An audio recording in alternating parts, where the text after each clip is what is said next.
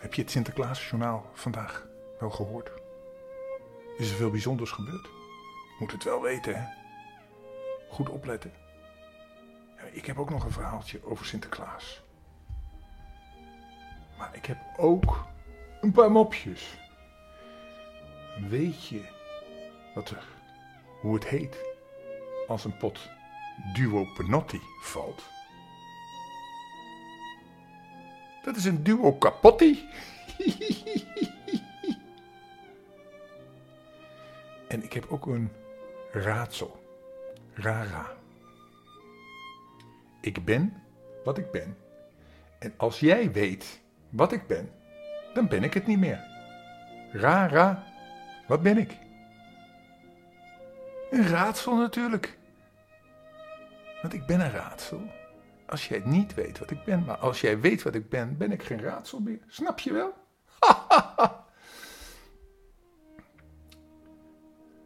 nou, en een kip die zegt: Hoe gaat het met je kinderen? vraagt een kip. Henny aan een kippie. Tok tok. Nou, goed, zegt Tok Tok. De ene is advocaat en de andere is uitsmijter geworden. We beginnen met een verhaaltje over Sinterklaas.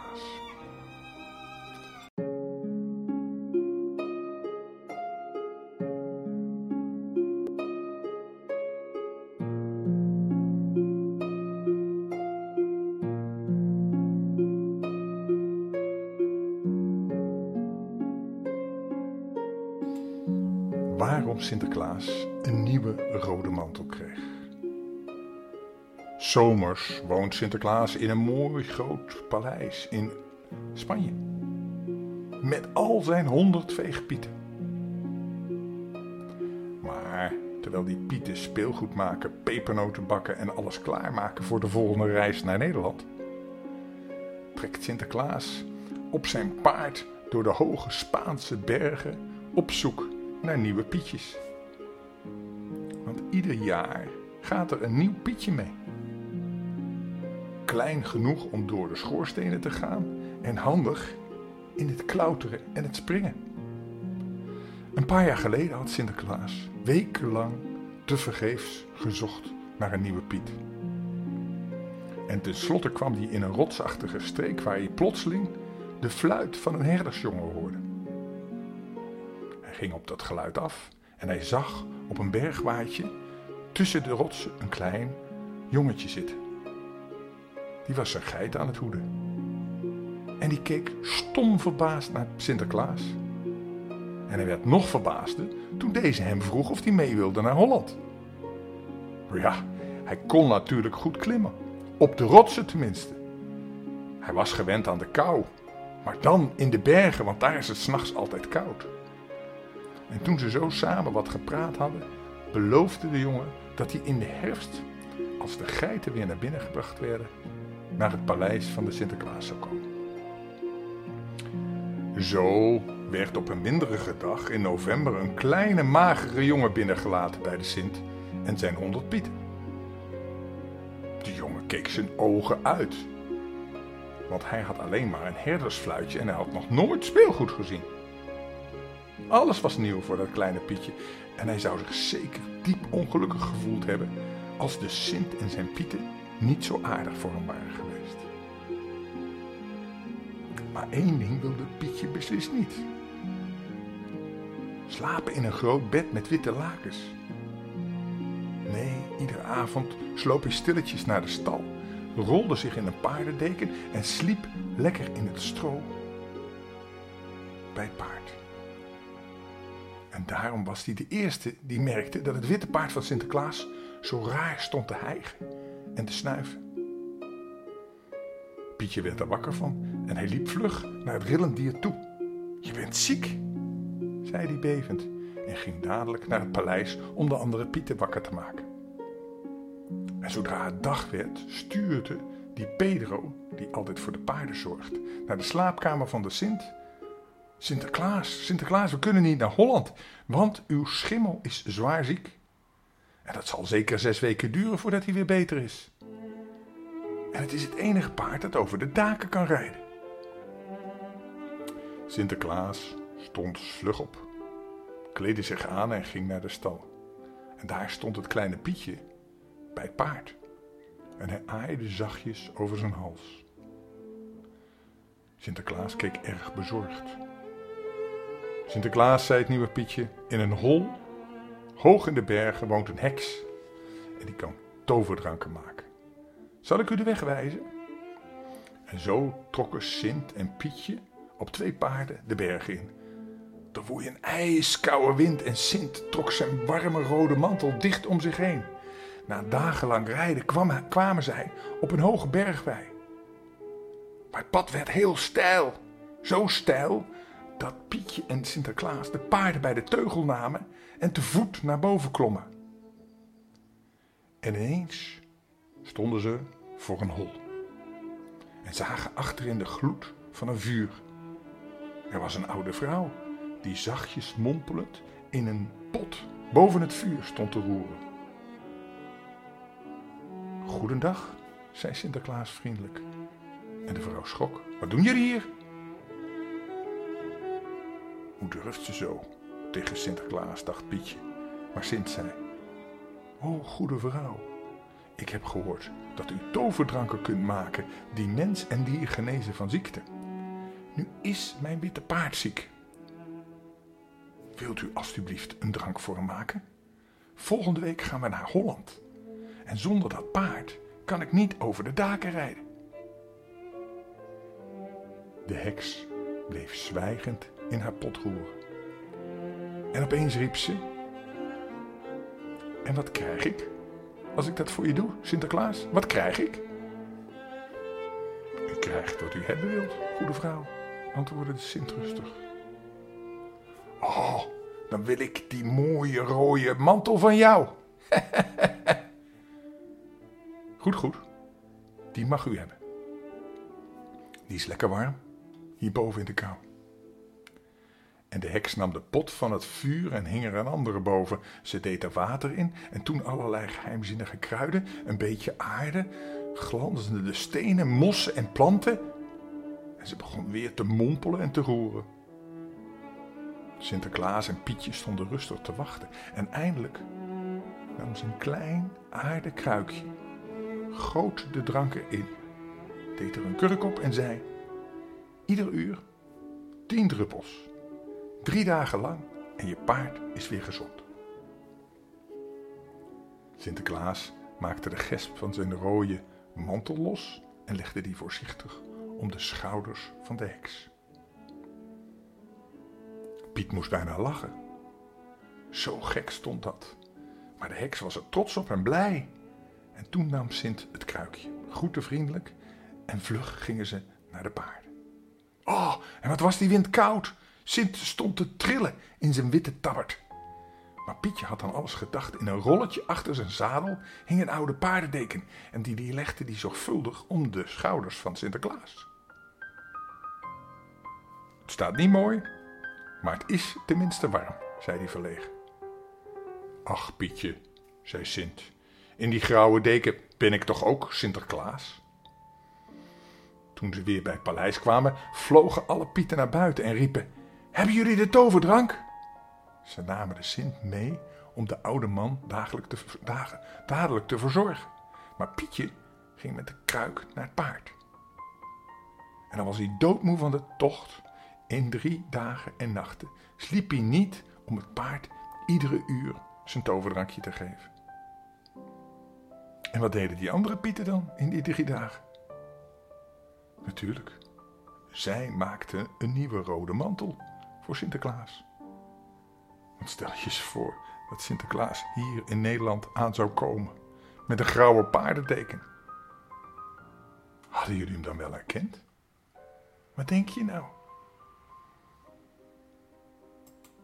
Ik heb nog een verhaaltje en dat gaat over de pepernoot.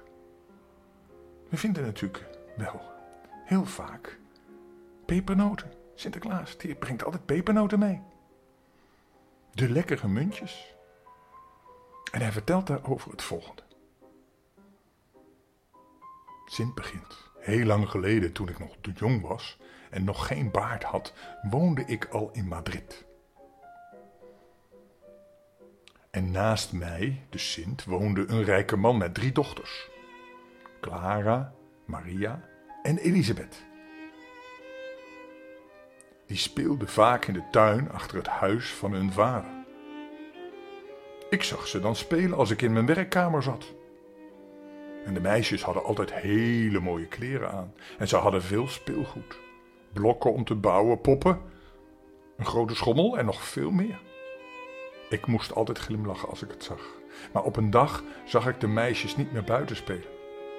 De schommel werd niet meer gebruikt en het was stil in het huis van de buren. En het bleef zo. Heel veel dagen. Weken, maanden achter elkaar. Ik verbaasde me erover. Wat was er aan de hand? Ik klopte aan bij de buurman en vroeg hem of er iets was gebeurd. Nee hoor, Klaas, er is niets gebeurd. Alles gaat goed hoor. Bedankt dat je het vraagt, zei de buurman. Maar ik geloofde er niets van.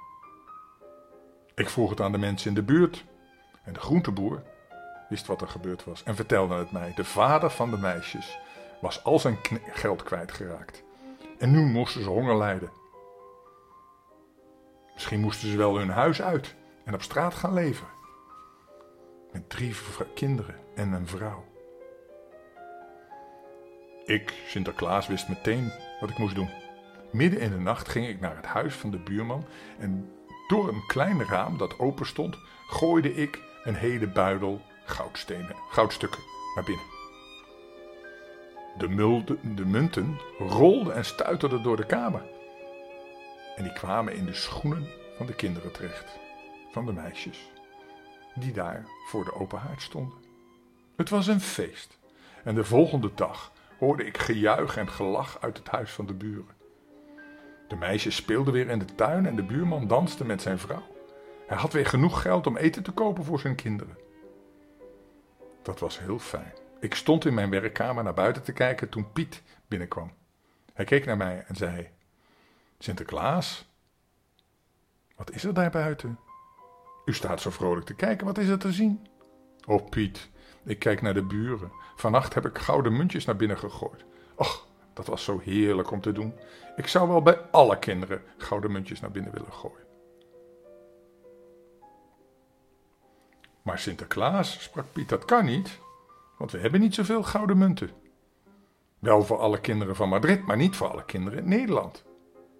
Hm, dat is jammer, zeg ik. En Piet zag aan het gezicht van Sinterklaas dat ik het liefst bij alle kinderen gouden munten naar binnen zou gooien. En hij ging iets bedenken. En Piet dacht: de meisjes van hiernaast hadden honger en nu hebben ze weer te eten. Als Sinterklaas nou eens bij alle kinderen iets lekkers te eten naar binnen zou gooien. Het moet een beetje lijken op gouden munten. Ik ga eens met een kookpiet praten en ik vraag hem om daar iets op te bedenken. En Piet ging naar de keuken. Kookpiet, kun jij iets lekkers bedenken voor kinderen dat rond is, zo groot als een gouden munt en dat er ook een beetje op lijkt? De kookpiet dacht na en bedacht een recept. Een beetje meel, honing, kaneel, gember, snufje peper. Hij roerde het met water en kneedde het tot deeg. Met zijn hulpjes maakte de kookpiet er ronde schijfjes van, zo groot als gouden munten. En toen stopte hij ze in de oven. En toen ze klaar waren, riep hij Piet erbij. Nou Piet, proef maar eens. Is dit wat je bedoelde?